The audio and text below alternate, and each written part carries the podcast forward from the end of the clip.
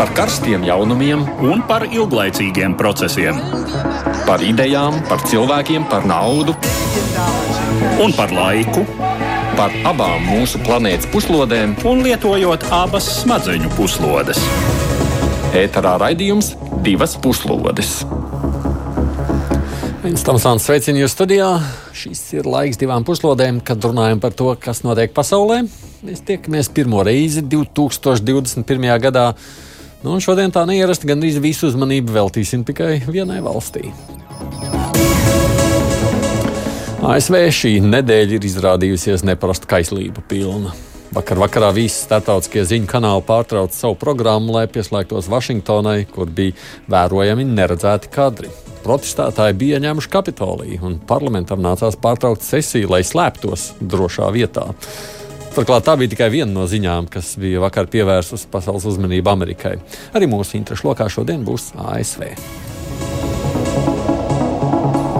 Kā šajā ārkārtas situācijā ierasts, otrs raidījuma līdzautors Edvards Liniņš ir pie tālruņa klausules. Sveiks, Edvard! Labdien!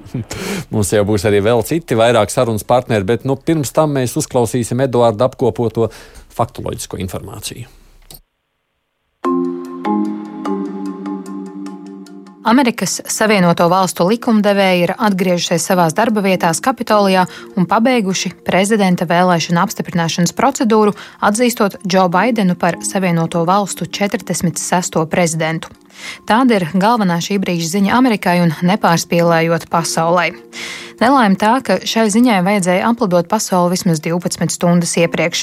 Parasti likumdevēja apstiprinājums pavalstu elektoru kolēģijas balsojumam aizņem apmēram pusstundu, un tikai dažas reizes vēsturē tas ir ievilcies ilgāk, jo abas kongresa palātas ir uzsākušas debatas par kādu no iesniegtajiem protestiem. Šāds novilcinājums notika arī šoreiz, taču tam sekoja gluži negaidīts pavērsiens. Nepārvēlētā prezidenta Donalda Trumpa atbalstītāji lielā skaitā ieradušies pie Kapitolija ielauzās ēkā. Kapitolija policija un citi dienesti izrādījās nesagatavoti. Policistu bija acīm redzami par maz, tiem trūka vajadzīgo instrukciju un koordinācijas. Vairākas stundas iebrucēji saimniekoja ēkā, iekļuva senāts sēžu telpā, savukārt pie pārstāvju palātas durvīm viņus aizturēja apsardze, aizbarikādējot durvis un draudot lietot ieročus. Tikai pēc vairākām stundām ēka tika atbrīvot no nelūgtajiem viesiem un sakārtota tik tālu, lai likumdevēji varētu atgriezties un pabeigt procesu. Kā atsākot pārtraukto sesiju, deklarēja Senāta republikāņu frakcijas vadītājs Mičs Makonels, Amerikas Savienoto Valstu senāts nav iebiedējams. Bandītu pūlis vai draudi mūs neizraidīs no šīs zāles. Mēs nepadosimies nelikumībām vai iebiedēšanai. Mēs izpildīsim pienākumu pret savu tautu saskaņā ar konstitūciju. Nemiernieki tikai parāda, cik ļoti svarīgs mūsu republikai ir šis mūsu uzdevums. Mūsu valsts pamatā ir tieši tas, ka Amerikas tautas brīvā izvēle ir tā, kas veido mūsu varu un nosaka mūsu nācijas likteni. Ne bailes, ne spēks, bet gan mierīgi pausta sabiedrības griba. Daudz skarbāks un tiešāks pagājušā vakara notikumu vērtējumā bija Senāta demokrātu frakcijas vadītājs Čaks Šumers. Šis ir kauna traips mūsu valstī, kas nebūs tik viegli nomazgājams. Pēdējais baisais, neizdzēšamais mantojums, kuru mums atstāja ASV 45. neapšaubāmi visu laiku sliktākais prezidents. 6. janvārs paliks viena no tumšākajām dienām Amerikas nesenajā vēsturē. Pēdējais brīdinājums mūsu nācijai, kādas sekas ir, ja prezidenta amatā ir demagogs, ja ir ļaudis, kuri viņu atbalsta, pārņemti mediji, kuri izkladzina viņa melus, un cilvēki, kuri viņam seko, kad viņš grūž Ameriku pretīm bezdibeņa malai. Pie klausulas bez mums ar Eduardu ir arī German Marshall Fund of the United States vecākā pētniece Kristīna Bērziņa. Labdien! Labdien! Un arī Rīgas Stradiņa universitātes asociētais profesors TV3 kolēģis Edijs Bošs. Sveiks, Edī! Sveiki! Nu, mēs vēl kādā brīdī vēlāk arī sazvanīsimies ar Vašingtonu. Kā jūs raksturot to, kas vakar notika, Kristīna? Vakardiena bija unikāla un ārkārtīgi satraucoša diena Amerikas vēsturē un Amerikas demokrātijas attīstībā. Ja padomā to, kā vispār vakardiena sākās ne tikai ar, ar vakar cēlienu, ja, ar, ar, pirmkārt ar, ar to ar procesu, kādā bija tagad topošo prezidentu Baidenu jāapstiprina prezidenta amatam, bet sākās ar senāta vēlēšanu rezultātu skaitīšanu, mm -hmm. kad Džordžijas štatā, kur demokrāti, kad jau vakardien no rīta bija skaidrs, ka demokrāti ir uh, vairākumā un izskatās, ka senāts jau ies uh, demokrātu rokās. Ja sākās no tā punkta cauri. Un arī tā ir milzīga pārmaiņa Amerikas politikā, jo Dienvidu štats Džordžija ir jau gadiem bijis konservatīvs štats republikāņu rokās, un tagad pārējais. Un tas, ka tas Dienvidu štats noteicoši tagad pagriež prezidenta vēlēšanas, arī senāts tagad demokrāta rokās, ir milzīgas pārmaiņas Amerikas politikā. Un tad, ja tam seko šis apstiprināšanas process, nemieri, tas, ka prezidents Trumps uzrunāja šos protestētājus, pēc tam nemierniekus un uzlūdza viņus paust ar var principā uzbrukt. Nu, ne, nu, viņš jau faktiski teica, ka viņš dosies kopā ar viņiem jāiet uz kapitolu. Tieši tā, viņš, viņš viņus uzlūdza, viņš instigēja šito darbību, šitāda veida uzbrukumu Amerikas demokrātiskiem procesiem. Un tad vēl mums šo rītu, 24 stundas vēlāk, beigās tomēr apstiprina uh, Baidenu par prezidentu. Tiešām šī ir bijusi neaptverama diena. Amerikas politikā un Amerikas vēsturē. Tāpēc, ka šāda veida uzbrukums kongresa mājai, Amerikas valdības institūcijām e, nav, un tie, tieši kongresam, jo, protams, bija 11. septembris, bet tieši kongresam nav bijis kopš 1812. gada kara laika, kad Lielbritānija uzbruka. e, tā kā tiešām tas ir nu, simtiem gadu laikā šāda situācija nav bijusi Vašingtonā, nav bijusi Amerikas demokrātijā, un šāda veida gandrīz pučs eh, pirms dažiem gadiem būtu bijis pavisam neiedomājams. Es jau saprotu, ka tur ne tikai nedrīkstēja iekšā tā vienkārši iet, laikam uz trepēm nemēdz stāvēt, un tad, kad tu ieej tajā telpā, tad tur nevarot skarties tiem galdiem klāt, jebkurš apmeklētājs, nu, un vakar tad, tad tā visi fotografi centās bildēt to, kas tur notiek Edī. Ko tu saki par vakardienas notikumiem? Nu, mums ir uh, prezidents, uh, kurš ir savai partijai pazaudējis visu. Ja, viņš ir pazaudējis prezidentūru, viņš ir pazaudējis parlamenta apakšpalātas vairākumu republikāņiem, viņš ir pazaudējis parlamenta augšpalātā vairākumu republikāņiem, tā skaitā arī ar viņa aktualitātē, ar viņa nu, teiksim, aktivitātēm vai specifisko personībiem.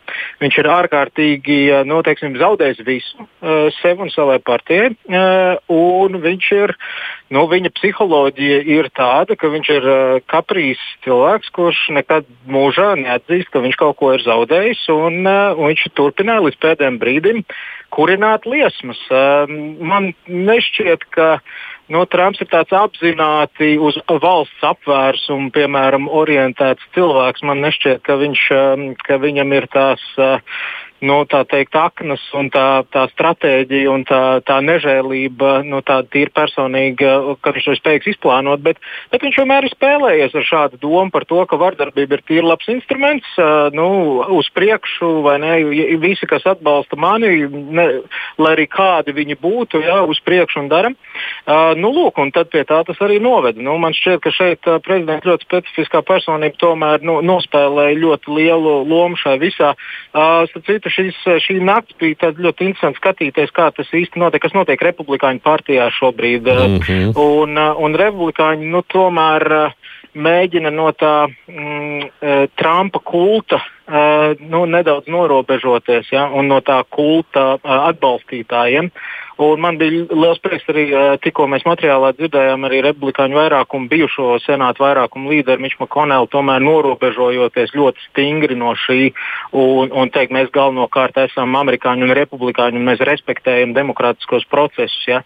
Uh, un arī Trumps pa nakti beigās jau uh, sakot uh, visiem, visiem uh, tiem dīvainajiem ļaudīm, kas tur daži bija maskās, kaut kāds vikings bija iesēdies, kā jūs redzējāt, jā, jā, jā, jā. tur Pelozi.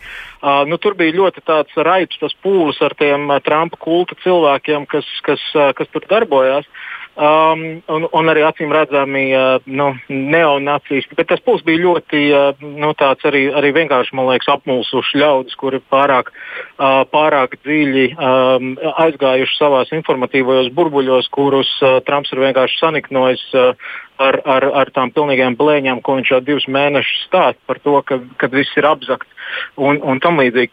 Uh, bet man, man panākti šķita svarīgi tas, ka mm, nu, Trumps tomēr uh, kaut kādā brīdī iznāca ārā un teica, es jūs mīlu, bet ejiet mājās. Ja? Man liekas, viņš saprata tajā brīdī. Tas ir tipisks Trumps. Viņš, viņš uzkūda, bet tad viņam tas autoritārais instinkts ieslēdzas bailīgais Trumps tajā brīdī un, un saka, nē, nē, ejam mājās, es negribu šeit tā, apsūdzības sev pašam. Ne, gan jau viņš saprata, ka, tā, no, gan jau viņš saprat, ka tas ir riskants ļoti. Eh, jā, jā, es domāju, ka viņš saprata, cik ļoti riskanti tas ir. Eh, man, man, es pat minētu, nu, grūti, protams, to tā, to tā zināt šobrīd, bet nu, tā, tas es diezgan detalizēti un naktī sekoju līdzi. Un, un tas, ko komunicēja gan republikāņu līderi, gan vispārējie, bija tāda sajūta, ka republikāņu līderība ir ļoti nopietni parunājusi ar Trumpu, lai arī cik viņš eh, psiholoģiski šobrīd ieslēdzies Baltijā namā tādā bunkurā savā.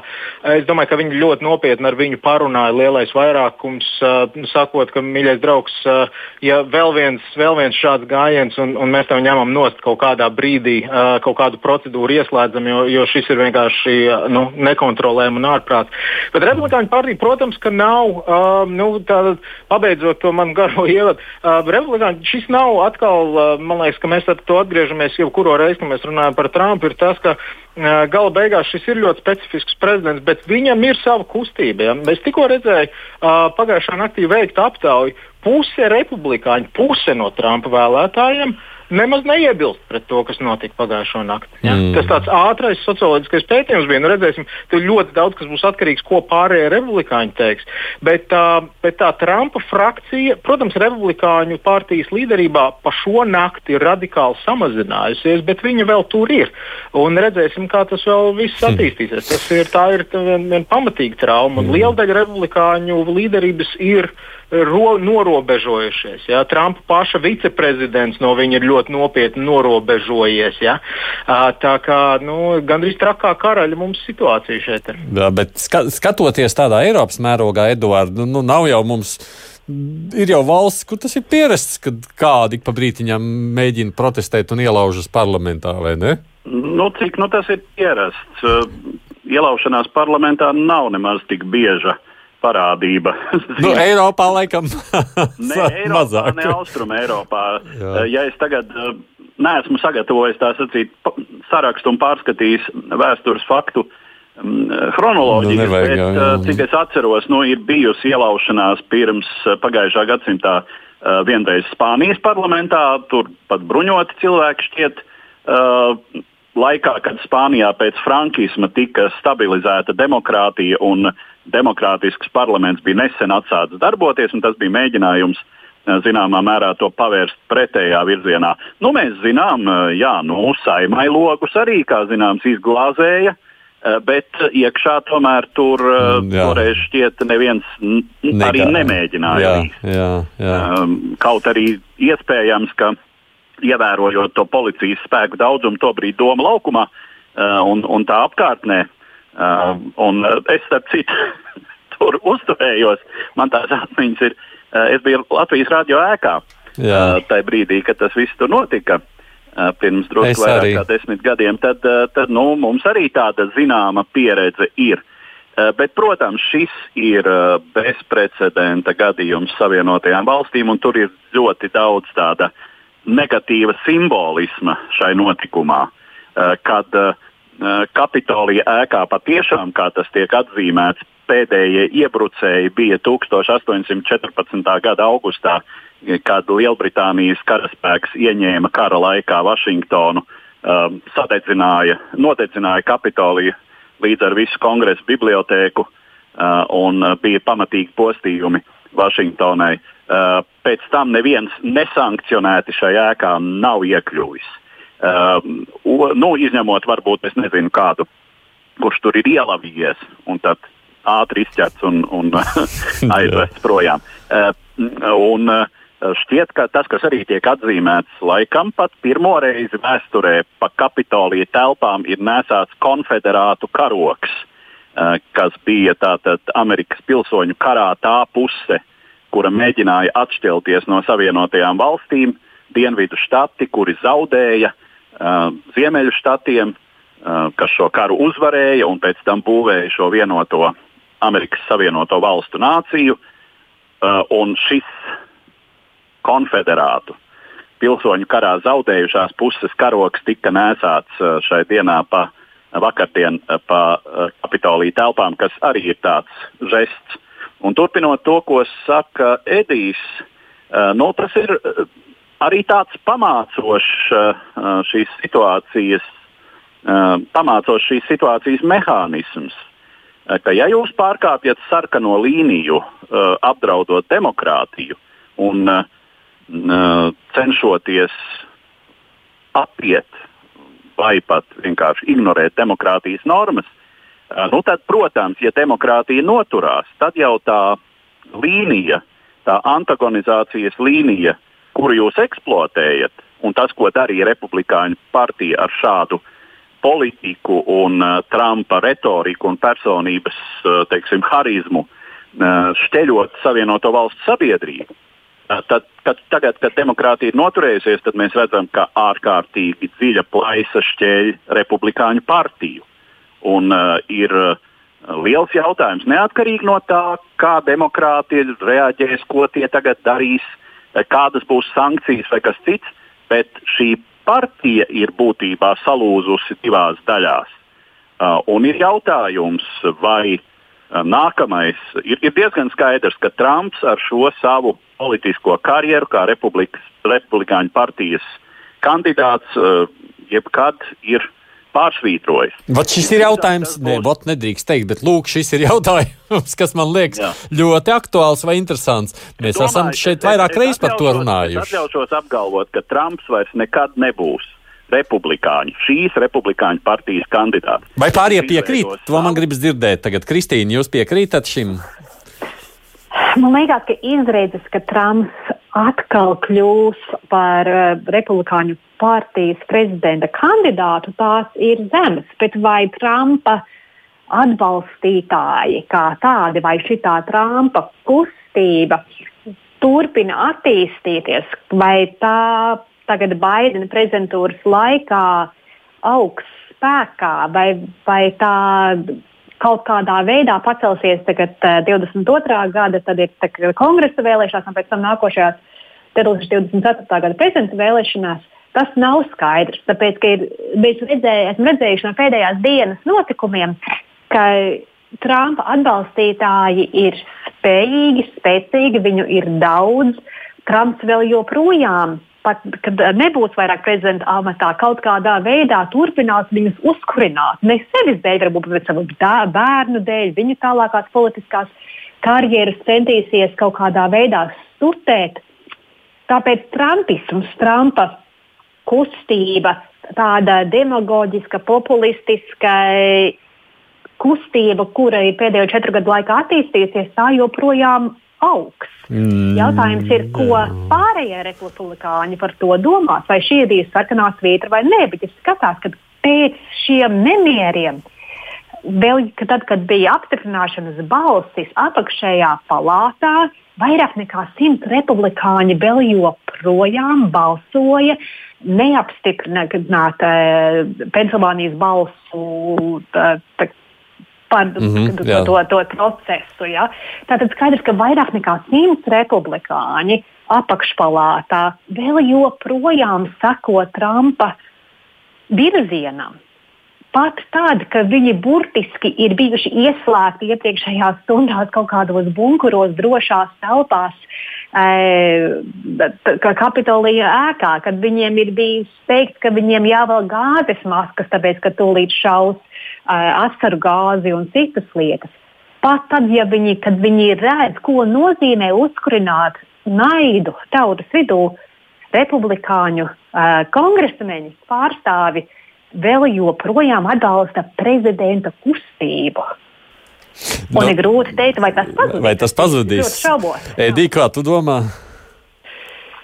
Uh, jā, es, uh, es teiktu, es, um, man šķiet, ka ir mazinājušas uh, izredzes viņam 24. gadā tādā ziņā, ka nu, republikāņi ir vairāk sašķēlušies pēc šīs dienas. Ja?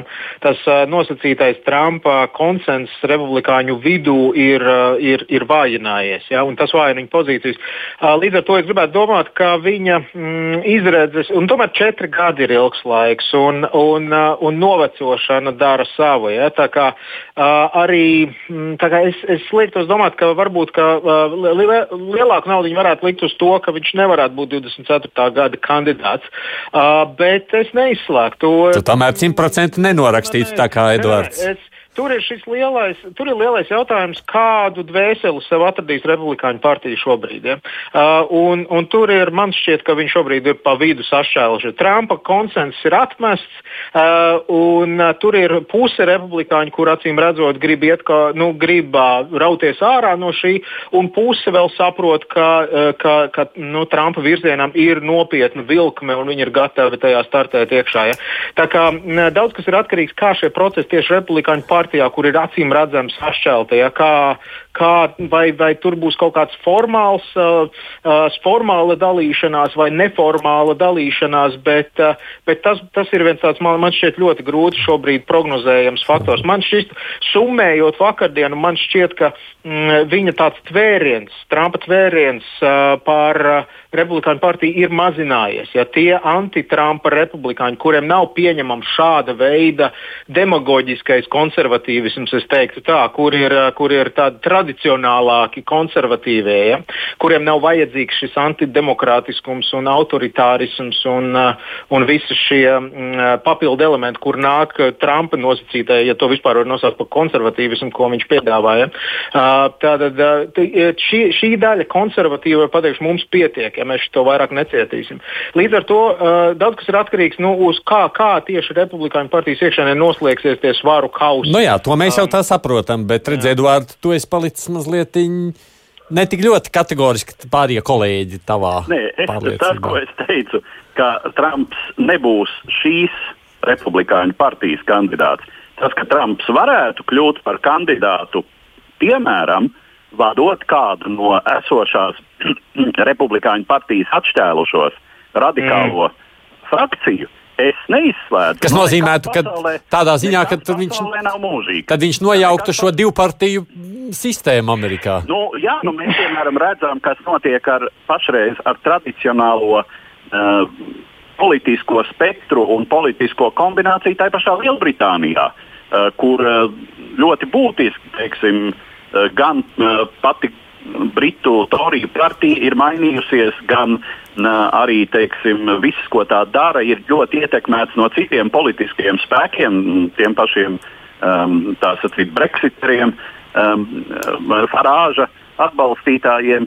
Uh, nekas nav mūžīgs, kā jau teicu, un uh, ir iespējams, ka uh, katrā ziņā šī divpartiju stabilitāte Amerikas Savienotajās valstīs kas nav piedzīvojusi būtiskus atricinājumus, nu, es teiktu, lielās līnijās simts gadus, ja? um, vai pat vairāk mazliet. Uh, tā var tikt sašķobīt. Realitātes ietekmē mazliet mainīties. Bet varētu jau arī būt tā, vai nē, Dī, ka galu galā jau tā iespēja Trumpam būtu arī joprojām pieteikties kā republikāņu kandidātiem, un ko tad tur partija ļoti, nemaz tik ļoti nevar to procesu tik viegli apturēt? Nē, nu, tas ir atkarīgs, eh, nu, tomēr šī ASV partijas sistēma ir stipri atšķirīga no, no Eiropas partiju tradicionālās sistēmas. Tātad, uh, nu, ja tu vari uzvarēt uh, šā, savās priekšvēlēšanās kā kandidāts iet caur tam procesam, tad jau tev neviens nevar apturēt uz Aha. priekšu. Ja?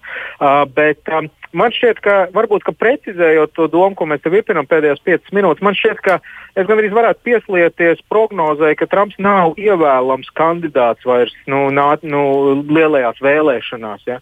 Uh, vai viņš jau bija ievēlams patiesībā šajās vēlēšanās, jau bija jautājums, ja? jo viņš nav audzējis savu atbalstītāju loku. Ja? Viņš ir bijis vienmēr 50% amerikāņu kandidāts labākajā gadījumā, un tie procentiņi viņam visu laiku nāk no nost, un es domāju, pagājušo nakti nonāca vēl krietni vairāk no tādiem nu, tradicionālajiem konservatīvajiem, ja kuriem riebi redzēt to, ko viņi redzēja svētā vietā, uh, nu, un uh, viņiem, jā, Vašingtonā. Mm -hmm. Līdz ar to pat, ja, pat, ja Trumpam saglabājas vilkme republikām, man ir, man, es gandrīz būtu gatavs apgalvot, ka viņš vairs nav nacionālās vēlēšanās pat teorētiski ievēlams kandidāts.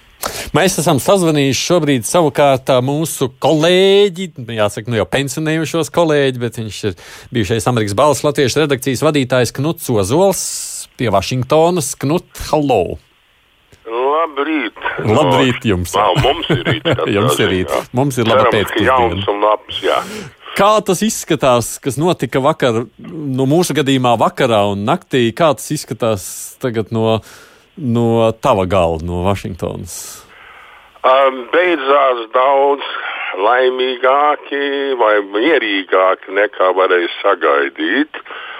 Rezultāts, protams, attiecībā uz balsu skaitīšanu um, vispār nebija apšaubāms, nebija nekāda šauba, ka tas notiks, ka apstiprinās vēlēšanu iznākumu. Bet nu, tas cirkus, ko daži deputāti un senatori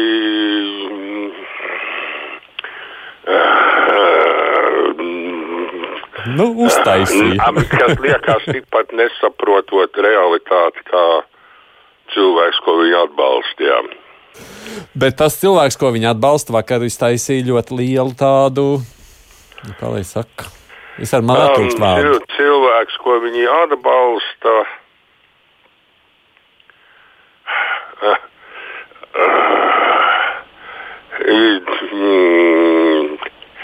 Diezgan dīvains, ja, ne, ja neteikt, ja neteikt gluži traks. Um, jā, nu. Vai tā? E, jā, nu. Es, es nezinu, vai viņš. viņš es, es nemācētu teikt, vai viņš, piemēram, melo. Es domāju, tāds aizdoms, ka viņš domā, ka viņš nemelo. Lai gan viņš pats vien teica vairāk kārtīgi, ka viņš melo.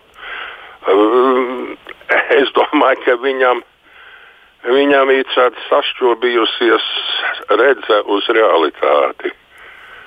Un līdz ar to, diemžēl, ļoti daudz citiem šīs zemes iedzīvotājiem. Vai vakardienas vakara notikumi pie Kapitolija un Kapitolijā šo redzi varētu kādiem tomēr atvērt vai salabot? Uh, jācer, jācer, bet nu, nu, līdz šim tas, ka tas, ko viņš dara un tas, ka, ko viņš saka, uh, ir pilnīgi nesavienojams lietas, tas nav nevienam acis atvērs. Uh, tu nevienam, nevienam no tiem, kam acis vajadzētu atvērt. Jā. Um, par tiem notikumiem es brīnos, ka bija tāds milzīgs pārsteigums, un es sagaidīju kaut ko tādu. Es nevaru iedomāties, tev sanāk, cik desmitiem, simt tūkstoši Es pat nezinu, cik daudz tu tur bija, cik daudz tur ielauzās, pāris simt varbūt. Um, tas, ka bija vairāk demonstrantu nekā, nekā Kapitolijā, ja policisti, nu, tas Tā bija jābrīnās, ka nesagaidīt kaut ko tādu. Jā. Tas nozīmē, ka vajadzētu būt Amerikā tagad diskusijas par to, kā policija šādām situācijām vai vispār drošības dienesti ir gatavi. Um, jā, bet nu, ir, jau, ir jau zināmas aprindas galvenokārt no netik gaišas kādas krāsas personām, kas tūlīt saka šitāda maiga apiešanās un atļaušana šitādiem gaišādainākiem, labā spāna aktivistiem ir pilnīgi nesavienojama to, kā apjetās ar tiem, kas protestēja piemēram pret tā tumšādainā cilvēku nošaušanu no policijas uh, Minneapolē. Tā ir, ka, e, e, katrā, teiks tā, man ir tāds aizdoms, ka milzīgi daudz prāts šis viss nemainīs. Būs vien. To arī man, ja skatās Amerikas uh, galvenās televīziju ziņu, ziņu stācijas, Fox, piemēram, un CNN. Uh, katrs turpina lielā mērā virzīt uz priekšu savu viedokli. Viens no labā spāņu, otrs no kreisā. Uh, lai gan man jāatzīstās, ka man Fox pārsteidz vakar ar to, ka tie tūlīt vai diezgan ātri, vismaz kopš es sāku skatīties, nosauc tos par ajatarus, kas tur bija Kapitolijā, par dumpiniekiem. Uh, nevis par protestētājiem, kā dažas citas stacijas visu laiku viņus apzīmēja. Mm -hmm. Paldies, Knut, par tādu skatu no, no Amerikas, no Vašingtonas puses. Knuts Ozols ir nu, saka, daudzus gadus bijis Amerikas balss latviešu redakcijas vadītājs. Atgādinu tikai, te, ka mums pie klausulas ir gan Kristīna Bēziņa, kas ir German Marshall Fund of the United States vecākā pētniece, un Rīgas Traģiņu universitātes asociētais profesors TV3 kolēģis Edijs Bošs. Divas puslodes! Nu, un, protams, Edvards Liniņš, kurš ir mūsu raidījuma līdzautors. Te tika pieminēts tas stāsts par nu, drošības spēku reakciju tajā vakarā. Tas ir jautājums, jo es zinu, ka pašavas vismaz CNN to ļoti apspēlēja. Kā tā var būt? Nu, ja, ja tu jautā man, tad, Visiem. protams, ka tas ir jautājums. Lai gan nu, no otras puses, teiksim tā, acīm redzot, nevienam neienāca prātā, eh, ka kaut ko tādu varētu darīt uh, nu, teiksim, ārpus jebkāda cita konteksta. Tur salīdzinājums, protams, ir ar šo uh, Black Lives Matter kustību, uh, kad uh, ir tagad publiskoti arī fotoattēli atkārtot šajā kontekstā, kur nu, visas tās kapitolija kāpnes ir pilnas ar speciālās vienības uh, kaujiniekiem uh, ļoti nopietnā ekipējumā, lai tai laikā, kad Vašingtonā arī bija šīs nekārtības, tad uh, lai nepieļautu nekādā veidā ielaušanos Kapitolijā. Nu, šim acīm redzot, vienkārši nebija gatavi un nu, neiedomājās, ka svētumu demokrātijas templi varētu šādā veidā, kā tas arī tiek definēts, zaim, uh, apgādāt. apgādīt. Kaut gan mēs redzējām, ka Nuts sacīja, ka viņš saka, viņa prāt, nevajadzēja būt nekam negaidītām. Viņš bija pat iedomājies, ka tā tā situācija varētu notikt. Es, es nu, Kristīna, Kristīna, Kristīna, sakiet. Ne, es piekrītu tam, ka, šito, ka šo situāciju varēja arī sagaidīt tāpēc, ka lūgumu 6. janvārī ierasties uh, Vašingtonā un izteikt savu neapmierinātību ar vēlēšanu procesu prezidents Trumps jau bija aicinājis savus atbalstītājus darīt pirms vairākām nedēļām. Jau vairākas dienas iepriekš Vašingtonā ieradās uh, uh, no ekstrēmu labējo politisku grupējumu pārstāvji, protestētāji. Viņi neieradās vienā minūtē, vienā stundā, jau nedēļām ilgi šāda veida protesti un akcijas un masa mītiņi. Vašingtonas centrā ir bijuši plānoti, prezidenta dalība tur bija. Tam nevajadzēja būt pārsteigumam. Jau tagad izmeklējumiem būs jābūt par to, kurā brīdī uh, no kongresa puses tika lūgta, piemēram, aizsardzības departamenta palīdzība, Nacionālo bruņoto spēku atbalstu, pasargāt uh, Kapitoliju, pasargāt uh, valsts, valsts galvaspilsētu uh, no dumpiniekiem šajā gadījumā, jo vakardien uh, Eh, bija reportāžas par to, ka aizsardzības departaments, kura vadība šobrīd ir ļoti lojāla prezidentam Trumpam, bija noraidījusi lūgumu no Vašingtonas pilsētas un kongresa puses sniegt šāda veida atbalstu drošības uh, nodrošināšanai. Vai tas tā ir bijis vai nē, tad tur tālāk būs izmeklēšanas. Vai ir politisku iemeslu dēļ, vai drošības spēki nesniedza palīdzību demokrātiskām institūcijām. No, te man jā, mums te arī klausītāji raksta, Jānis saka, nesaprot vienu lietu, kādēļ ziņās nestāsta, ka Kapitola iebrucēji bija bruņoti ar automātiem. Jūs arī to neskapēc noklusējat. Nu, to, ka... Nesmu, nesmu nekur tādas ziņas lasījis, Jā. ka viņi būtu bijuši bruņoti ar automātiem. Uh, par šaujam ieročiem, kādiem vispār tiek izteiktas versijas. Nu, tur ir vairāk bojā gājušie, tātad kāds uz kaut ko šāva, un nu, visticamāk, ir drošības. Bojā gājušiem gan ir tā, ka nu, sašauta ir Bet viena, ir viena sieviete, kura laikam tomēr ir dabūjusi policista lodi. Jā, bet viens policists arī nonācis slimnīcā, cik es saprotu. Jā, nu tā tad šaujamieroči automāti ir viena lieta. Bet tas, ka viņi bija bruņoti ar kaut kādiem sitamajiem, iespējams ar augstajiem ieročiem, tas pilnīgi noteikti. Un bez tam, nu, vai dieniņā, ja arī tu tur ierodies neapbruņots, tad paķert kaut ko, par, kas ir par rokai un sākt uzbrukt policistam. Es domāju, te tā sarkanā līnija, kuras pārkāpšanu negaidīja, ir uzbrukums varas pārstāvjiem. Uh, un uh, nu, tātad varas pārstāvju spiešana ar spēku atpakaļ, nepakļaušanās policijas prasībām.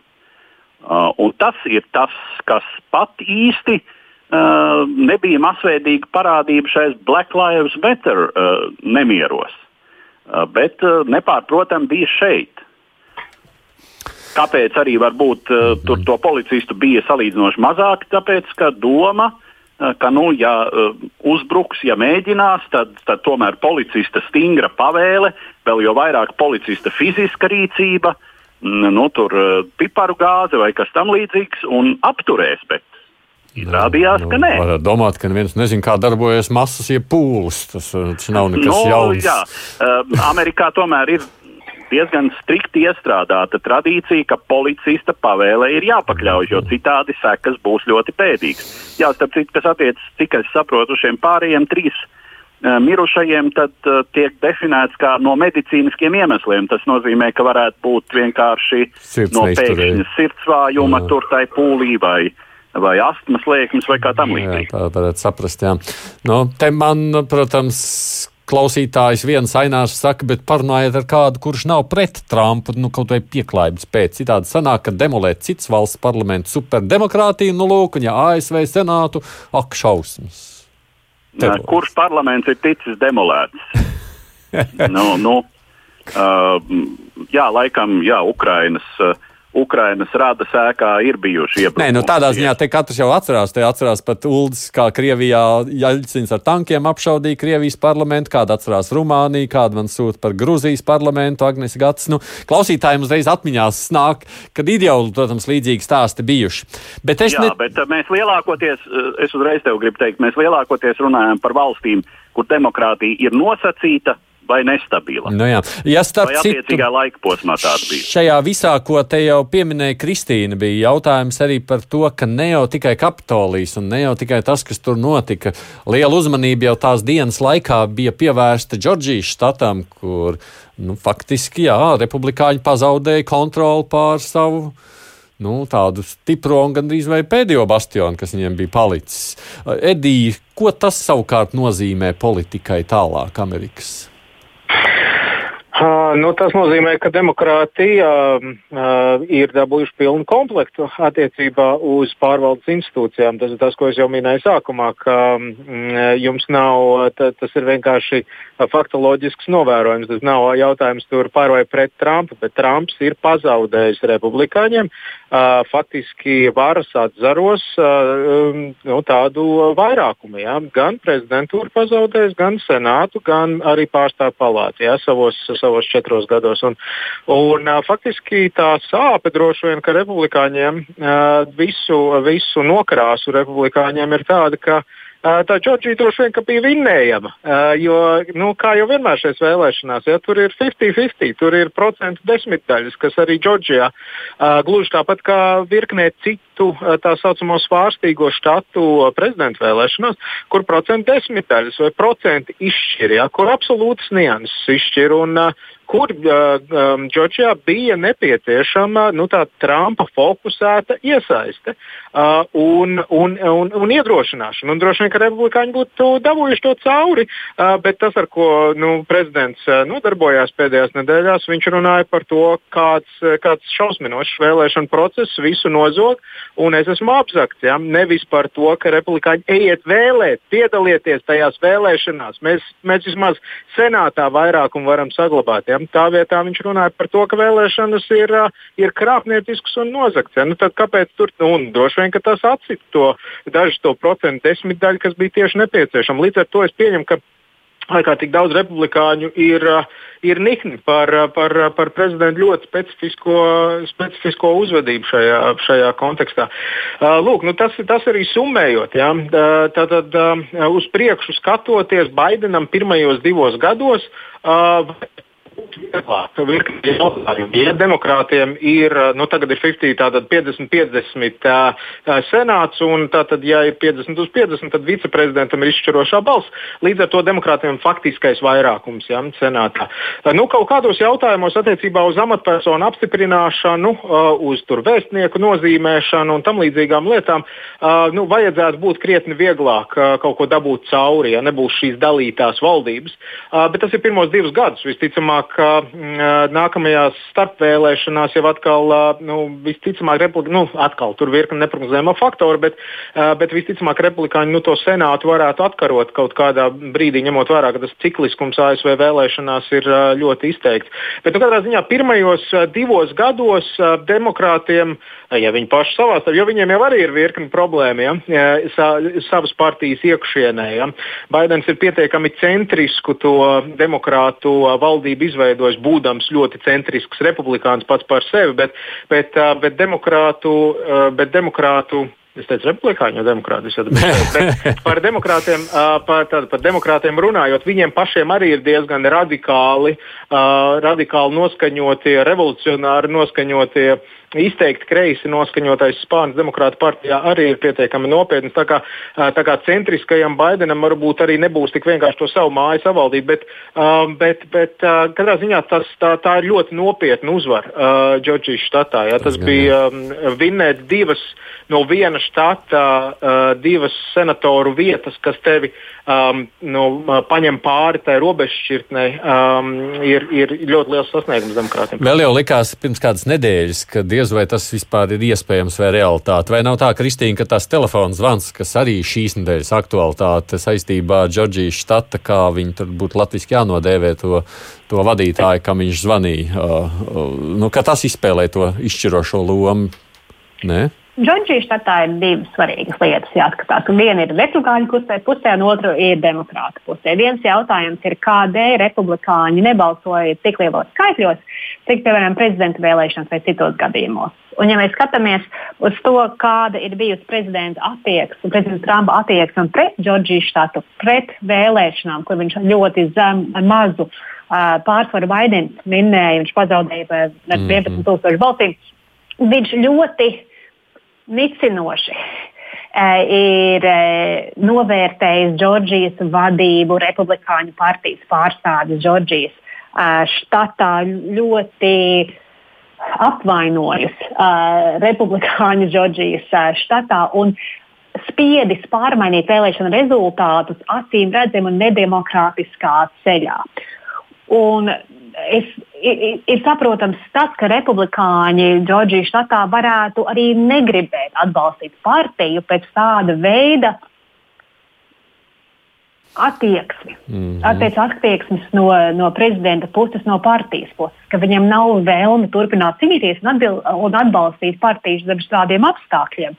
Bet no otras puses ļoti interesanti ir tas, ka vairāk demokrāti, īpaši no minoritāšu grupām, balsoja tagad senāta vēlēšanās, nevis uh, vairāk nekā prezidenta vēlēšanās pirms pāris mēnešiem. Un ir pēdējo pāris gadu laikā Džordžijas štatā ir izveidojusies kustība, kur ir ļoti veicinājusi minoritāšu un jauniešu dalību politiskajā procesā. Pirms pāris gadiem Steisija Abrams E, neuzvarēja gubernatoru vēlēšanās ar ļoti, ar ļoti mazu balsu starpību. Un viņa ir izveidojusi tādu sabiedrības un balsotāju kustību, kur ir tagad šogad mobilizēta, lai pārmainītu un veicinātu šāda veida politisko pārēju demokrātu pusē Džordžijas štatā. Daudziem tas pat nelikās iespējams. Tāpēc, jā, protams, loma ir prezidenta Trumpa uzvedībai pēdējo, pēdējo divu mēnešu laikā, bet tajā pašā laikā šis arī ir divu gadu garš process, kurš ir attīstījies Džordžijas štatā, lai veicinātu minoritāšu, tur, melnādaino un uh, jauniešu dalību politiskos procesos. Un tas, ka ar tik nelielu balsu pārsvaru Baidens uzvarēja novembrī Džordžijas štatā, Daudzi ir teikuši, ka tieši tas, ka ir iespējams, bet tikai ar dalību, tikai ar mobilizāciju, tikai ar pārliecību, ka katra balss ir svarīga, ka šā iemesla dēļ tik ļoti daudzi piedalījās senāta vēlēšanās un iedeva demokrātu partijai to atbalstu. Un tas liek citiem dienvidu štatiem, republikāņu štatiem, domāt par to, kāda, bū, kādi būtu rezultāti citās vietās, ja arī tur būtu tikpat liela dalība vēlēšanās no e, melnādaino vai jauniešu vai citām pusēm, kuras mēdz nepiedalīties vēlēšanās. Mm, paldies par tādu ieskatu. Um, pabeidzot, mums ir palikušas četras apmēram minūtes. Juris raksta šādi, tas jau, te, diemžēl, nav Trumpa jautājums, bet gan sociālo tīklu ietekmi uz radikalizāciju. Pieminot sociālos tīklus, Twitter šodien nobloķēja, ja šonakt Trumpu, Facebook uz dienu nobloķēja Trumpu. Es vēl neatceros, vai vēl kāds tur nebija ziņas saistībā ar, ar šo YouTube arī. Ja? Kas nozīmē, ka tā, tā, tā sociālo tīklu. Es nezinu, kā lai to nodēvē. Balss varētu mazliet mainīties, vai tā situācija caur sociālajiem tīkliem paliks tikpat, tikai šis ir tāds nu, atsevišķs gadījums. Edvards, kā kam, tu domā? Kam tu to jautā? Tev.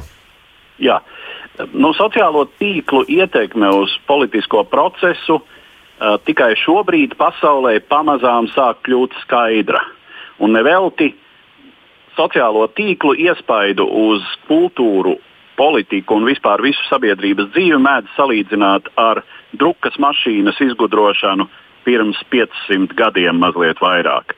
Un tad tas nesa lielu apvērsumu Eiropai ar reformāciju, Un tas, kas tagad notiek faktiski visā pasaulē ar sociālo tīklu iespaidu, to efektu, nu šobrīd tā kā sāk pamazām apzināt, uzkrājas fakti, uzkrājas pieredze. Bet, protams, jā, lai gan šajā gadījumā jāsaka konkrēti, ka tad, kad sociālie tīkli bloķēja Trumpa izteikumus, tad tas jau bija nu, teiksim, par pāris, trīs gadiem novēlot. Mm -hmm. Ja viņi būtu sākuši bloķēt viņa pekstiņus pirms uh, krietni ilgāka laika, tad varbūt nenotiktu tas, kas vakar notika. Vakar tas, ko uh, teica gan jaunievēlētais prezidents Baidens, gan daudzi citi, tā skaitā republikāņu pārstāvji, ka Trumpam ir jāiziet televīzijas priekšā. Un tur jāsaka, uh, pārtrauciet, dodieties mājās, izbeidziet, tad varbūt, varbūt tam būtu kaut kāds efekts, tad viņš varētu uh, pagriezt atpakaļ to straumi, kam viņš slūžas bija parāvis vaļā. Un arī uh, tas ir liels jautājums, vai. Bet, bet viņš tas, arī tam nebija darīja, gatavs. Bet viņš arī tam nebija gatavs. Jā, nu, uh, faktiski jau vakar viņš izmantoja savu administratīvo resursu, stāvēdams tribīnē pie Baltā nama, sasaucis savus piekritējus un teik, teikdams, mēs iesim uz, uz Kapitoliju un sveiksim tos drosmīgos, kuri būs neatzinuši vēlēšanu rezultātus, stāstot kārtējo reizi pilnīgus pekstiņus un sakot, es iešu kopā ar jums, mm. muldēdams. Jo, protams, viņa tur tajā brīdī nebija. Tiešām nebija. Jā. Es jums saku paldies, mīļie dalībnieki par šo apskatu stundu mums paskrēja nemanot, bet tie notikumi Amerikā visas nedēļas garumā jau faktiski kopš pirmdienas ir bijuši tik aizraujoši, ka es arī esmu pielips pie televīzijas jau vairākas dienas skatoties, kas tur viņiem notiek. Un, nu, vakar vakarā bija tāda tiešām kulminatīvas notikumu ķēde, kuru mēs arī tikko pārnājām gan Edvards Liniņš, paldies tev par šo iesaistīšanos, gan arī Edijs Bošs, kurš ir Rīgas Traģiņu universitātes asociētais profesors un TV3 žurnālists, gan German Marshall Fund of the United States vecākā pētniece Kristīna Bērziņa. Paldies arī jums. Es arī saku paldies visiem klausītājiem, kas mums ir rakstījuši dažādas vēstules ar viedokļiem. Uh, izsakot šos, es nevaru, diemžēl, visus paspēt nolasīt. Nu, kā saka Aldis, interesanti, ka mēs vairāk ieraudzījām demokrātu, nevis demokrātu priekšrocības, bet gan republikāņu kļūdas, kas ir rezultējies tajā, kas šajā politikā ir noticis. Mums vēl ir dažas ziņas īsumā par citiem tematiem, tāpēc es saku paldies visiem par piedalīšanos un pievēršamies mēs vēl šajā atlikušajās minūtēs kādiem jaunumiem, kas arī ir pieminēšanas vērti. Cīņā pret covid-19 pandēmiju uzmanības priekšplānā ir izvirzījusies vakcinācija. Tomēr viss izrādījies ir krietni sarežģītāk nekā sākotnēji likās. Arvien skaļāk atskan kritika par vakcīnu trūkumu. Kritizēta tiek gan visas Eiropas Savienības, gan daudzu dalību valstu iepirkumu stratēģija. Taču arī ar jau iegādātajām vakcīnām neiet tā, kā sākotnēji tika solīts. Virknē valstu vakcinēšanās tempi ir ļoti zemi. Nīderlanda savu programmu uzsāka tikai vakar, jeb trešdien. Līdzīgi kā Latvijā, Nīderlandē varas iestādes ir koncentrējušās uz farmācijas uzņēmumu AstraZeneca izstrādāto vakcīnu, taču tās apstiprināšana ir iesprūdusi. Citās valstīs savukārt vakcinēšanās notiek ļoti lēni. Viena no tādām ir Francija, kur pirmajā nedēļā vakcinēti vien daži tūkstoši, kas Francijas mērogos ir niecīgs skaitlis. Tiesa Francija izceļas ar savu milzīgo skepsi pret vakcinēšanos. Vien 40% iedzīvotāji ir pauduši gatavību tai ļauties. Savukārt Netālijā, Polijā programmas sākumu pavada pamatīgs skandāls. Tur pirmās vakcinētas ir slavenības, un ir sākusies izmeklēšana, vai bijušajā sociālismu valstī nav nostrādājusi vecā blata sistēma. Tikmēr daudzās valstīs situācija atkal strauji pasliktinās, un īpaši sarežģīta tā ir Britu salās. Lielbritānijā ir ieviesta vispārējā karantīna, un gan tur, gan arī īrijā tiek slēgts pat skolas. Savukārt Pasaules veselības organizācija ir nolēmusi beidzot tikt skaidrībā, kāpēc šāda pandēmija pasaulē izcēlusies. Tomēr pagaidām sākotnējā izmeklēšana ir saskārusies ar šķēršļiem. Ķīna nav izsniegusi atļaujas ekspertu grupai ierasties valstī un pētīt, kā viss sākās. Vispār Ķīna nav teikusi nē, un starptautiskās ekspertu grupas locekļi jau bija sākuši ceļu katrs no savām valstīm, ņemot vērā PVO un Ķīnas valdības panākto vienošanos. Taču trešdien izrādījās, ka atļaujas vēl nav izsniegtas, un PVO neslēpj vilšanos par šo ziņu. Tiesa Ķīna ir publiski sacījusi, ka ļaus ekspertiem darboties, un Pasaules veselības organizācija ir paziņojusi, ka šī misija būs viņu prioritāte. Tīmekļa projekta Wikileaks dibinātājam Julianam Assangeam šajā nedēļā bija divas jaunas ziņas. Viena laba, viena slikta. Labā bija tā, ka viņš netiks izdots ASV, kur viņu grib tiesāt par spiegošanu, tā lēma Britu tiesa. Savukārt sliktās ziņas šis vēl nav galīgais lēmums, un viņam būs jāpaliek apcietinājumā, kamēr Lielbritānijas tiesa izskatīs ASV apelāciju. Tiesnesis, kas izskatīja Asāņša advokātu lūgumu atbrīvot viņu pret drošības naudu, norādīja, ka viņai ir pietiekams pamats uzskatīt, ka atbrīvošanas gadījumā Asāņš varētu bēgt vai izvairīties no tālākās tiesāšanas. 49 gadus vecajam Austrālijas pilsonim Asanžam ir izvirzīts apsūdzības par ASV pretspiegošanas likuma pārkāpumu saistībā ar 2010. gadā Wikileaks publicētiem tūkstošiem nopludināto militāro un diplomātisko dokumentu. Atbilstoši šīm apsūdzībām Asanžam Amerikā draudz 175 gadu cietumsots.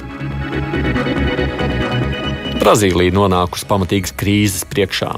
Ņemot vērā, ka valsts subsīdijas nabadzības apkarošanai ir beigušās, Brazīlijas prezidents Žairs Bolsonaro trešdien paziņoja, ka valsts ir izputināta un ka viņš šajā lietā neko nevar darīt. Vienlaikus vainojot presi, ka tā ir uzkurinājusi koronavīrus krīzi. Bolsonaro savas vēlēšanas kampaņā solīja pacelt slieksni ienākumiem, līdz kuriem nav jāmaksā nodokļi. Taču koronavīrus viss plāns ir sajaucis. Prezidents tautsēmniecības nedienās vaino karantīnas izolācijas prasības, ko noteikuši štatu gubernatori centienos apturēt vīrusu izplatību. Neraugoties uz pandēmiju, Bolsonaro popularitāte ir augusi, pateicoties arī ārkārtas palīdzībai, ko 9 mēnešus saņēma 68 miljoni brazīliešu, te ir trešā daļa valsts iedzīvotāji. Tomēr šomēnes šie maksājumi ir izbeigti finanšu tirgus spiediena rezultātā, vairojoties satraukumam par valsts lielo budžeta deficītu un parādu. Vēl Norvēģija pērn ir kļuvusi par pirmo valstu pasaulē, kurā elektriskie automobīļi veidojuši vairāk par pusi no visiem pagājušā gadā reģistrētiem jauniem automobīļiem. Tā liecina otrdien publicētā informācija. 54,3% autopircēji ir izvēlējušies elektriskos automobīļus. Četri pārdotākie modeļi bijuši Audi e-tron, Tesla Model 3, Volkswagen ID3 un Nissan Leaf. Decembrī jauno elektroautobīļu tirzniecība ir sasniegusi rekordu augstu līmeni mēneša izteiksmētiem, veidojot jau divas trešdaļas no visiem reģistrētiem jaunajiem automobīļiem. Norvēģija piedāvā ļoti izdevīgus nodokļu režīmus šādiem auto, padarot tos ievērojami konkurētspējīgus izmaksu ziņā salīdzinājumā ar benzīna vai dīzeļa automašīnām. Norvēģijas noteiktais mērķis paredz, ka jau 2025. gadā visi pārdotie jaunie automobīļi būs bezemisiju automašīnas.